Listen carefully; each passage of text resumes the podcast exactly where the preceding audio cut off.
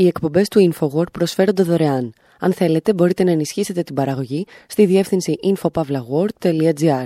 Η διεύθυνση infopavlagor.gr.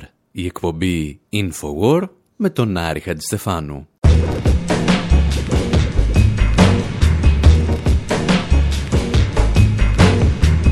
όπου σήμερα μπαίνουμε στο εργαστήριο του CSI για να διαλευκάνουμε την υπόθεση της Συριάνας.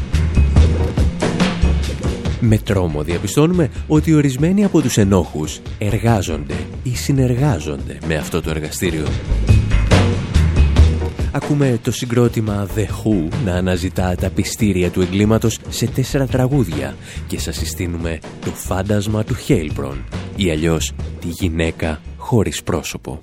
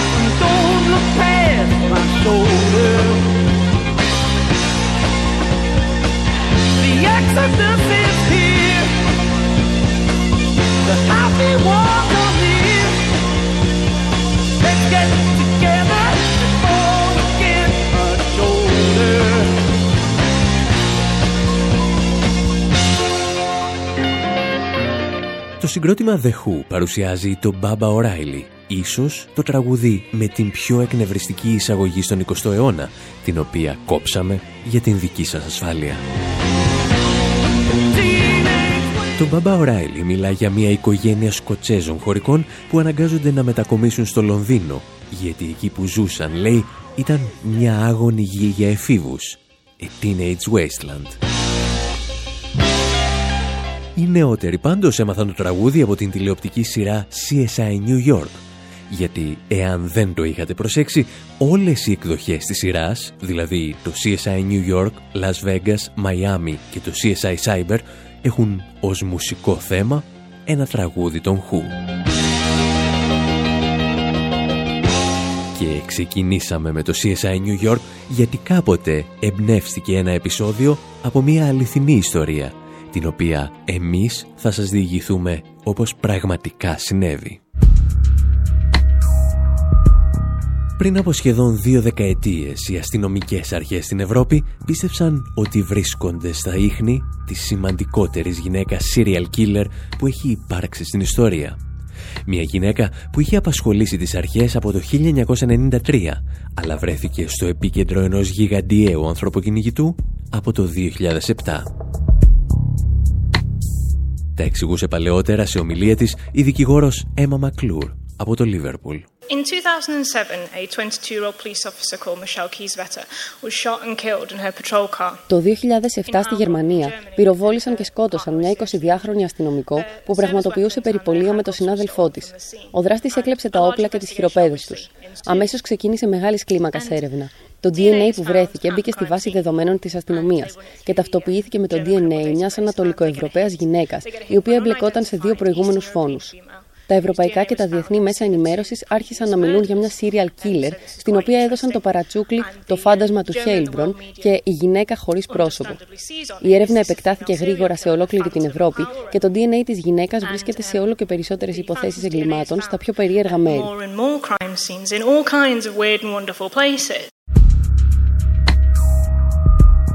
Το DNA από τη γυναίκα χωρίς πρόσωπο εντοπίστηκε ακόμη και σε υποθέσεις του 1993 και αυτό που πραγματικά ανησυχούσε τις αρχές ήταν ότι δεν μπορούσαν να βρουν οποιονδήποτε συνδετικό κρίκο στα αιμοσταγή εγκλήματα. Η άγνωστη δολοφόνος δεν φαινόταν να ακολουθεί κάποιο σχέδιο στην επιλογή των θυμάτων ή τη μέθοδο της δολοφονίας, ενώ χτυπούσε σε όλο και περισσότερες χώρες της Ευρώπης. Τα μόνα στοιχεία που είχαν από την εξέταση του DNA ήταν ότι πιθανότατα προερχόταν από την Ανατολική Ευρώπη. Η δικηγόρος Έμα Μακλούρ μας δίνει μερικά μόνο παραδείγματα από τις 40 υποθέσεις στις οποίες ενεπλάκει η γυναίκα χωρίς πρόσωπο. Um, to go through a few of them, it's found at the scene of a strangulation of a 62-year-old woman in Ida Oberstein. Θα σας απαριθμίσω μόνο μερικές από τις περιπτώσεις. DNA της γυναίκας βρέθηκε στην περίπτωση στραγγαλισμού μιας 62χρονης στη Γερμανία. Επίσης βρέθηκε στο σιρτάρι της κουζίνας, σε μια υπόθεση δολοφονίας και ύστερα σε μια χρησιμοποιημένη σύριγγα με ηρωίνη. Λίγα χρόνια μετά εντοπίστηκε σε όπλο που χρησιμοποιήθηκε σε ληστεία στη Γαλλία και ύστερα σε μια ληστεία στην Αυστρία. Είχαμε φτάσει λοιπόν ήδη τις τρεις χώρες. Επιστρέφοντας στη Γερμανία, βρέθηκε σε ένα αυτοκίνητο στο οποίο μετέφεραν τρία πτώματα. Το φάντασμα λοιπόν εμφανιζόταν σε 40 υποθέσεις όλα αυτά τα χρόνια. Ποια ήταν αυτή η γυναίκα από την Ανατολική Ευρώπη που έπαιρνε ναρκωτικά, πραγματοποιούσε ληστείες και δολοφονούσε ανθρώπους; Οι αρχές εξέτασαν 3.000 γυναίκες χωρίς αποτέλεσμα. Και ύστερα την επικήρυξαν με τεράστιο χρηματικό ποσό, το οποίο όμως κανένας δεν διεκδίκησε.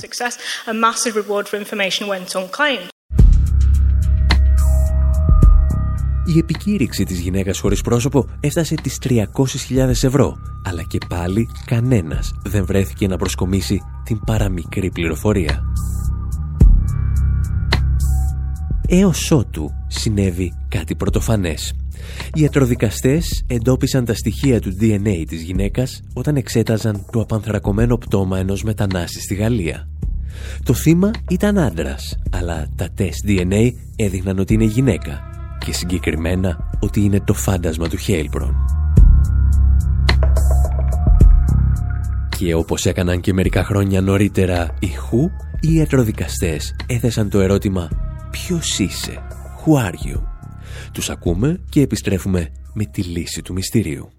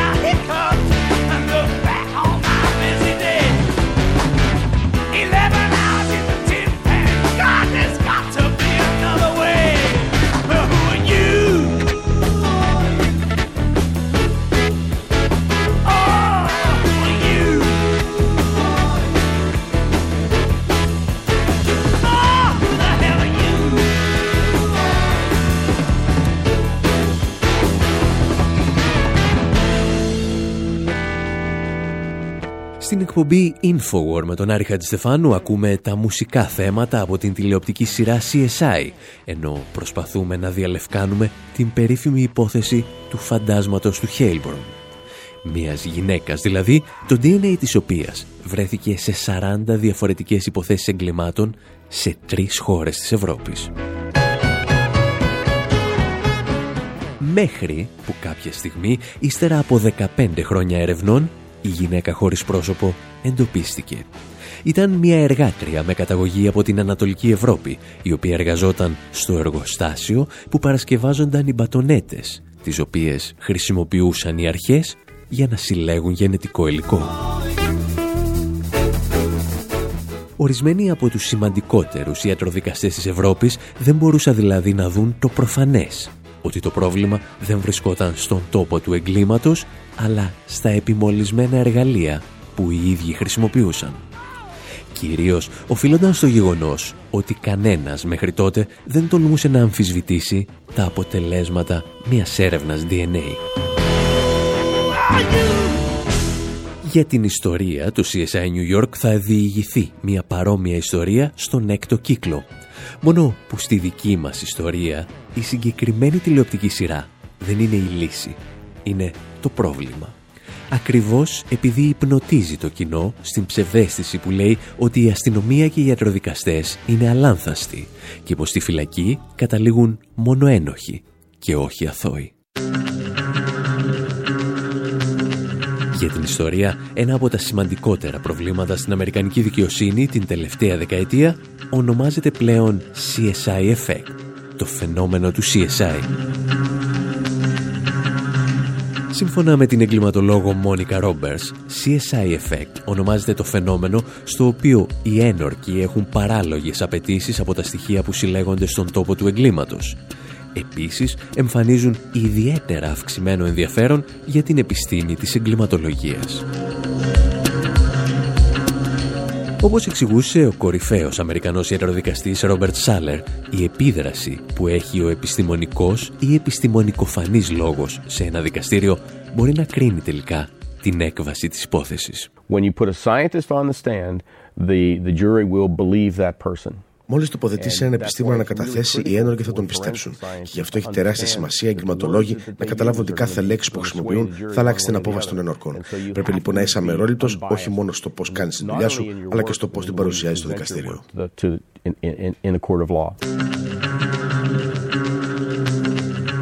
Ο Ρόμπερτ Σάλερ δεν είναι ένας τυχαίος ιατροδικαστής. Είναι ο άνθρωπος που ανέλαβε να οργανώσει την επιχείρηση αναγνώρισης των θυμάτων της 11 Σεπτεμβρίου και από την πολυετή πείρα του έχει μάθει ότι πολλές φορές οι δικηγόροι παρερμηνεύουν συνειδητά τα λεγόμενα των ιατροδικαστών ή κάποιοι ιατροδικαστές απλώς ψεύδονται.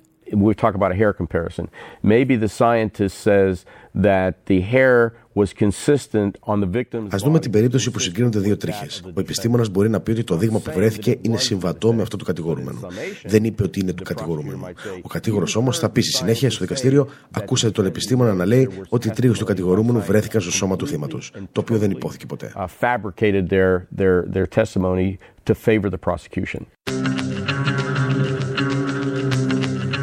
Όπως εξηγούσε σε πρόσφατη έρευνά του το περιοδικό The Atlantic και μόνο το άκουσμα των τριών γραμμάτων DNA αρκεί για να αυξήσει σημαντικά τις πιθανότητες καταδικαστικής απόφασης για έναν κατηγορούμενο. Στην Αυστραλία διαπιστώθηκε ότι οι υποθέσεις βιασμού στις οποίες γίνεται απλώς αναφορά σε στοιχεία DNA είχαν 33 φορές περισσότερες πιθανότητες να οδηγήσουν σε καταδικαστική απόφαση. Και εδώ αρχίζουν τα προβλήματα.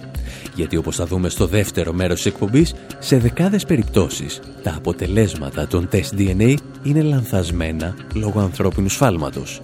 Σε άλλες περιπτώσεις, τα στοιχεία από τον τόπο του εγκλήματος δεν αρκούν για μια πλήρη και ασφαλή ταυτοποίηση. Παρ' όλα αυτά, καταλήγουν στις αίθουσες των δικαστήριων. Και αν σε όλα αυτά προσθέσεις τις πιέσεις των πολιτικών και των δικαστών που θέλουν να δουν συγκεκριμένους ανθρώπους ή ομάδες ανθρώπων στη φυλακή και αν βάλεις και μια τεράστια ιδιωτική βιομηχανία παραγωγής ενόχων, συνειδητοποιείς ότι ορισμένα πράγματα δεν έχουν αλλάξει από τότε που κυνηγούσαμε μάγισσες. Εσείς πάρτε λίγο ακόμη από το συγκρότημα The Who να ντύνει μουσικά το CSI και επιστρέφουμε.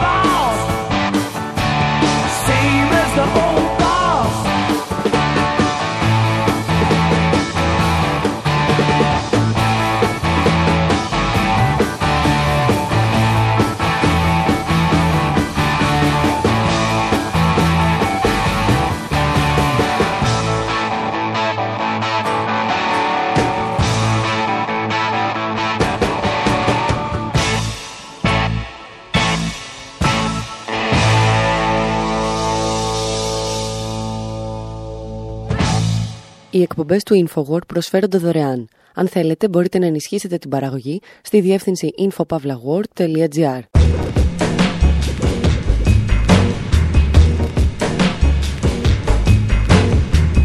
Στην εκπομπή InfoWord με τον Άρη Χατζηστεφάνου συζητάμε για το φαινόμενο του CSI την πεποίθηση που έχει δημιουργήσει το Hollywood ότι κάθε φορά που ακούγονται τα τρία γράμματα DNA, ο κατηγορούμενος πρέπει να καταλήγει στη φυλακή, εάν όχι στο εκτελεστικό απόσπασμα. Και το κάνουμε φυσικά με αφορμή την υπόθεση της Συριάνας, ενός ανθρώπου που κατηγορείται στην Ελλάδα χωρίς την πραγματικότητα να υπάρχει ούτε ένα αξιόπιστο στοιχείο ενοχής. Πρώτα όμως θα αφήσουμε να μας πει μερικές κουβέντες περί DNA ο Αμερικανός ράπερ Kendrick Lamar. Προσέξτε τι λέει στην αρχή και αν σας θυμίζει κάτι. Το να έχεις λέει δύο μικρά ονόματα σε καθιστά ύποπτο και το DNA προέρχεται από τα αρχικά των λέξεων Dead Nigger Association, η Ένωση των Νεκρών Νέγρων. Kendrick Lamar. Two first names, huh? The fuck is up with that? You know what DNA stands for? Dead Nigger Association. on police brutality with that line in the song, quote, and we hate the popo, want to kill us in the street. Oh, Ah, please. Oh, I don't like it. I got, I got, I got, I got loyalty, got royalty inside my DNA. Cocaine quarter piece, got war and peace inside my DNA. I got power,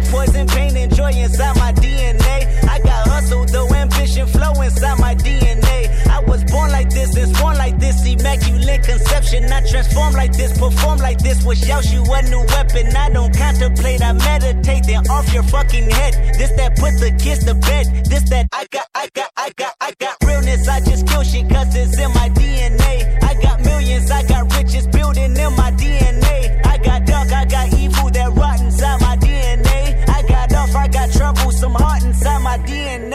I just win again, then win again like Wimbledon I serve. Yeah, that's him again. The sound that engine in is like a bird. You see fireworks and Corvette tires skirt the boulevard. I know how you work, I know just who you are. See, use a, use a, use a bitch. Your hormones probably switch inside your DNA. Problem is, all that sucker shit inside your DNA. Daddy probably snitch, heritage inside your DNA. Backbone don't exist, burn on side a jellyfish I gauge. See my pedigree, most definitely don't tolerate the front. Shit I been through probably offend you. This is Parlor's oldest son. I know murder, conviction, burners, boosters, burglars, ballers, dead, redemption, scholars, fathers dead with kids, and I wish I was fed. Forgiveness, yeah, yeah, yeah, yeah. Soldier's DNA, born inside the beast. My expertise checked out in second grade. When I was nine, on cell, motel, we didn't have nowhere to stay. Ο Κέντρικ Λαμάρ τραγουδάει για τη μαγική σημασία που έχουν λάβει τα τρία γράμματα DNA στις Ηνωμένες Πολιτείες. Τρία γράμματα που όπως είδαμε, εάν τα εκφέρει κάποιος στο δικαστήριο, μπορεί να αυξήσει έως και κατά 33 φορές την πιθανότητα καταδίκης του κατηγορούμενου. Τηλεοπτικές σειρές όπως το CSI ανέλαβαν να μας εξηγήσουν ότι ο επιστήμονας όχι μόνο έχει πάντα δίκιο, αλλά ταυτίζεται και με τον αστυνομικό και τον δικαστή. Η τηλεοπτική σειρά είναι τόσο γελία, ώστε οι ίδιοι άνθρωποι που ξοδεύουν τις νύχτες τους σε ένα εγκληματολογικό εργαστήριο για να εντοπίσουν τον δράστη, το πρωί φοράνε ένα αλεξίσφαιρο γυλαίκο, παίρνουν το όπλο τους και του ανοίγουν μια τρύπα ανάμεσα στα μάτια. Το πραγματικό πρόβλημα όμως είναι ότι κανένας δεν τολμά πλέον να αμφισβητήσει τα αποτελέσματα των εργαστηριακών ερευνών ακόμη και όταν αυτές οδηγούν σε τρομακτικά λάθη. Και αυτό, εξηγούσε η καθηγήτρια εγκληματολογίας Σέριν Μέρφυ, συμβαίνει γιατί κάποιοι δεν φρόντισαν να μάθουμε πως άλλο είναι να συλλέγεις DNA σε εργαστηριακές συνθήκες και άλλο στον τόπο του εγκλήματος. I think when people think of DNA testing, they think it's all created equal. Every DNA test is going to be the same. But Όταν οι άνθρωποι σκέφτονται για τα τεστ DNA, νομίζουν ότι είναι όλα ίδια μεταξύ τους. Αν το σκεφτείς όμως, η διαφορά στην ποιότητα ανάμεσα σε ένα τεστ σε συνθήκες εργαστηρίου και σε ένα τεστ στον τόπο του εγκλήματος είναι δραματική. Στο εργαστήριο όλα γίνονται σε εξαιρετικά ελεγχόμενο περιβάλλον. Μια νοσοκόμα που φορά γάντια παίρνει συγκεκριμένη ποσότητα δείγματος από ασθενή τον οποίο γνωρίζει και εξασφαλίζει ότι το δείγμα δεν θα αλλοιωθεί από παράγοντες όπως το φως ή η θερμότητα. Το αποτέλεσμα λοιπόν είναι σχεδόν πάντα αξιόπιστο.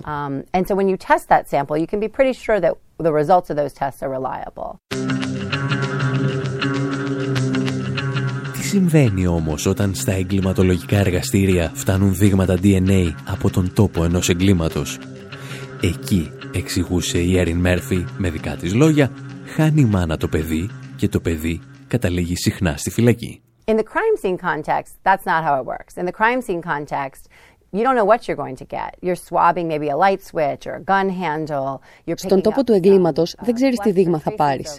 Πηγαίνεις σε ένα διακόπτη ρεύματος ή τη λαβή ενός όπλου και παίρνεις ίχνη DNA τα οποία δεν ξέρεις από πού προέρχονται. Δεν ξέρεις ούτε καν αν ανήκουν σε ένα ή περισσότερα άτομα. Φυσικά δεν γνωρίζεις ούτε την ποιότητα του δείγματος. Αν έχει αλλοιωθεί από φως, θερμότητα ή ακόμη και από το αποσμητικό που φοράει κάποιος. Ακόμη και το χρώμα που βάζουν στα παντελόνια μπορεί να αλλοιώσει το δείγμα. Για πολλούς λόγους λοιπόν, το δείγμα μπορεί να μην σου επιτρέπει να εξάγεις ασφαλή συμπεράσματα. Αυτό δεν σημαίνει όμως ότι δεν θα έχεις αποτελέσματα. Θα είναι πολύ δύσκολο να τα αξιολογήσεις. Θα έχουν υποκειμενικά στοιχεία και θα είναι πολύ πιο πιθανό να οδηγούν σε λάθη.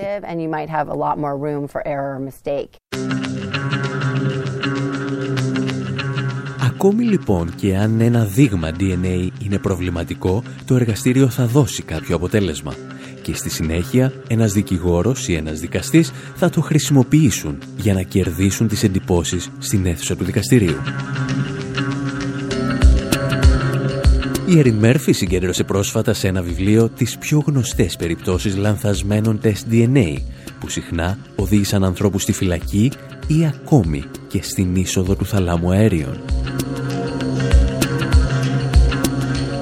Και ίσως το πιο τρανταχτό παράδειγμα να ήταν αυτό του Λούκις Άντερσον, ο οποίος το 2012 κατηγορήθηκε ότι δολοφόνησε στην Καλιφόρνια τον πολυεκατομμυριούχο Ραβές Κούμρα. Το DNA του κατηγορούμενου είχε βρεθεί στον τόπο του εγκλήματος και ο Άντερσον ήταν σχεδόν βέβαιος ότι θα περνούσε το υπόλοιπο μέρος της ζωής του στη φυλακή. Το πρόβλημα ήταν ότι την ώρα της δολοφονίας ο Άντερσον βρισκόταν σε κομματώδη κατάσταση σε νοσοκομείο λόγω μέθης. Αυτό που είχε συμβεί ήταν ότι το προσωπικό του ασθενοφόρου που παρέλαβε το πτώμα του Κούμρα είχε προηγουμένως μεταφέρει το σώμα του Άντερσον και έτσι τοποθέτησε ίχνη από το DNA του στον τόπο του εγκλήματος. Πριν από λίγες ημέρες, ο πρόεδρος της Ελληνικής Ιατροδικαστικής Εταιρείας, Γρηγόρης Λέων, κατά τη διάρκεια εκδήλωσης που διοργάνωσε το νόστιμο Νίμαρ για την Ιριάννα στην Αθήνα, εξηγούσε πώς μπορεί να μεταφερθεί DNA μέσω τρίτων. DNA όμως έχει καταγραφεί σε μελέτες, ε, μας δίνει και το απλό άγγιγμα κάπου. Ε, αυτό το δείγμα DNA, το touch DNA όπως λέμε, είναι ουσιαστικά τα επιθυλιακά μας κύτταρα, τα κύτταρα δηλαδή που φέρουμε στην επιδερμίδα μας. Η επιδερμίδα μας κάθε μέρα χάνει πάρα πολλά από αυτά τα κύτταρα, τα αφήνουμε σε διάφορα σημεία. Πόσο μάλλον όταν ακουμπάμε, και αν είναι και καλοκαίρι και είμαστε υδρωμένοι για παράδειγμα, αυτή τη στιγμή που εγώ ακουμπάω αυτό το τραπέζι, αφήνω DNA. Η ίδια ακριβώς διαδικασία περιγράφεται μέσα σε μελέτες αυτό το DNA μπορεί να μεταφερθεί και από άνθρωπο σε άνθρωπο και τελικά σε ένα αντικείμενο δια της επαφής. Εγώ για παράδειγμα πιάνω, ε, κάνω μια χειραψία ε, στον ε, αξιότιμο εδώ πέρα δημοσιογράφο, ο ίδιος πιάνει μετά ένα αντικείμενο και στο αντικείμενο δεν αφήνει απλά το δικό του DNA, αλλά αφήνει προφανώς και το δικό μου DNA, υπολείμματα αν θέλετε του δικό μου DNA, τα οποία το έχω αφήσει εγώ με τη χειραψία. Όταν βρίσκεται ένα DNA σε κάποια περιοχή, δύο ή τρία πολλές φορές DNA σε ένα αντικείμενο για παράδειγμα, προφανώς εκεί πρέπει να βλέπουμε και άλλους χαρακτήρες αυτού του DNA, όπως μας λένε πολλές φορές οι εργαστηριακοί. Για παράδειγμα η ποσότητα. Ο αξιότιμος δημοσιογράφος, αν δεν καταλάβατε, ήταν ο Ομιλών. Και το σύνολο των τοποθετήσεών μας μπορείτε να το βρείτε στο Omnia TV, από όπου κλέψαμε και το ηχητικό.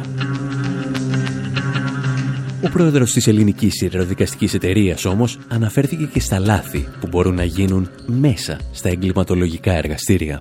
Επίσης είναι θέματα διαδικασιών. Σκεφτείτε αυτό το, εάν μια διαδικασία μέσα σε ένα εργαστήριο δεν γίνεται σωστά, πιάσω εγώ κάτι, για παράδειγμα, την ώρα που κάνω την επεξεργασία του δείγματος, πιάσω ένα άλλο δείγμα ενός ατόμου και πιάσω μετά αυτό το δείγμα που έχω να επεξεργαστώ, εκείνη την ώρα επιμολύνω, όπως λέμε επιστημονικά, το δείγμα μου με ένα άλλο δείγμα.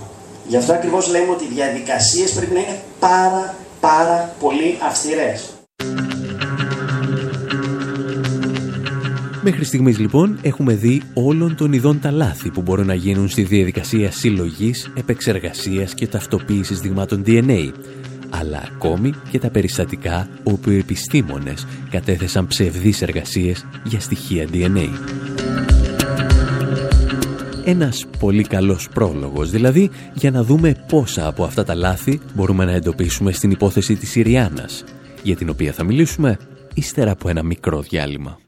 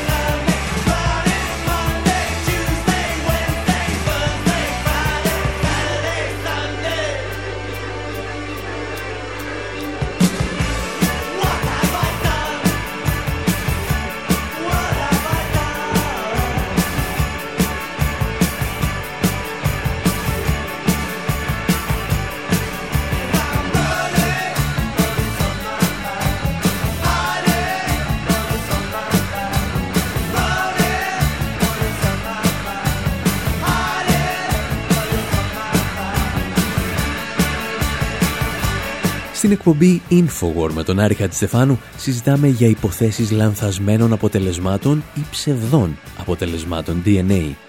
Και έχει έρθει η στιγμή να μιλήσουμε για την περίπτωση της Συριάνας. Της κοπέλας που κάποιοι αποφάσισαν να βάλουν στη φυλακή χωρίς κανένα αξιόπιστο στοιχείο.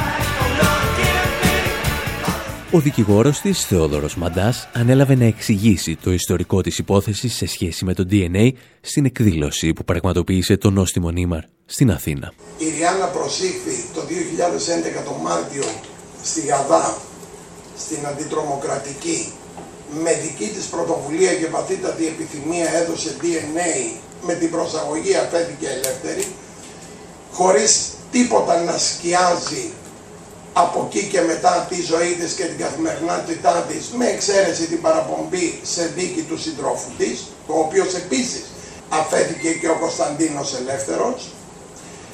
Έχουμε ένα έβριμα τον Νοέμβριο του 2011 στην Πανεπιστημιούπολη, δηλαδή ένα κυβότιο με, κάποια, με κάποιον οπλισμό, τμήματα οπλισμού για να ακριβολογώ, τα ευρήματα αυτά παραμένουν από τον Νοέμβριο του 2011 έως τον Νοέμβριο του 2012 ένα ολόκληρο χρόνο. Στα εγκληματολογικά εργαστήρια της ασφάλειας δεν έχουν ελεγχθεί δεν μπορούσαν τα εγκληματολογικά εργαστήρια της ασφάλειας να τα ελέγξουν. Είχαν φαίνεται άλλα θέματα που προηγούνται το Νοέμβριο του 2012 λοιπόν και αφού πήραν μια ανάσα από τον όγκο δουλειάς, οι ιδιοκτικές μας αρχές και κατάφεραν να ασχοληθούν και με τα ταπεινά βρήματα του οπλοστασίου της Πανεπιστημιούπολης, του ζωγράφους, βρήκαν, υποτίθεται, βρήκαν ένα μερικό, παύλα, μη πλήρες αποτύπωμα DNA σε ένα στο περιμετρικό χείλος ενός γεμιστήρα εκτός όπλου και από αυτό βλέπουν ότι έχει στοιχεία που προσωμιάζουν με το DNA της Συριάνας. Σε άλλες χώρες, οι άνθρωποι που θα συνέχιζαν μια τέτοια δίωξη με τόσο ανεπαρκή στοιχεία μπορεί και να έχαναν τη δουλειά τους. Στην Ελλάδα όμως συνήθως προάγονται. Και αυτό που έκαναν, εξηγεί ο Θεόδωρος Μαντάς, είναι σαν να πήραν μία κάρτα αναλήψεων χωρίς να γνωρίζουν τον μυστικό κωδικό και να απαιτούν από το μηχάνημα να τους δώσει τα χρήματα κάποιου άλλου. Για να έχουμε πλήρες γενετικό υλικό ταυτοποίηση είτε αποτύπωμα είτε DNA χρειάζονται να έχουμε με πληρότητα 16 στοιχεία Εάν δεν υπάρχει ταύτιση με πληρότητα στα 16 στοιχεία δεν μπορεί κανείς να μιλάει για έβριμα γενετικό. Από τα 16 λοιπόν έχουμε ενδείξεις στα 7, ταυτοποίησης στα 3, στο 1 από τα 49 πιστήρια. Με πολύ χαρακτηριστικό τρόπο ο εξειδικευμένος επιστήμονας γενετιστής ο κύριος Φιτσιάλος λέει το εξής εντυπωσιακό παράδειγμα. Είναι σαν να έχουμε μία κάρτα αναλήψεων. Προϋπόθεση για να μπορέσει να απελευθερωθεί ο κωδικός, να ανοίξει ο λογαριασμός και να κάνουμε την ανάληψη είναι σωστά να το τοποθετήσουμε και τους 16 αριθμούς του κωδικού. Εμείς από τους 16 βρήκαμε τους 3 και άρα λέμε με τους 3 είναι σίγουρα η κάρτα αναλήψεων του Μαντά και πάμε στο ATM τώρα να το αναλάβουμε και τα λεφτά. Όταν βέβαια κάποιος προσπαθεί να σου πάρει τα χρήματα από την τράπεζα, συνήθως φωνάζεις στην αστυνομία. Και το ερώτημα είναι, ποιον θα φωνάξεις όταν ο ένοχος είναι η ίδια η αστυνομία και ορισμένοι δικαστές; Ποιος θα δικάσει τους δικαστές που αφήνουν για χρόνια αθώα παιδιά στη φυλακή; Ιστορίες για να διηγούμαστε σε μια άλλη εκπομπή. Μερικές απαντήσεις πάντως για το πολιτικό περιεχόμενο αυτών των διώξεων μπορείτε να πάρετε και από το βίντεο για την εκδήλωση για την Ιριάννα που οργάνωσε το νόστιμο Νίμαρ και βιντεοσκόπησε το Omnia TV.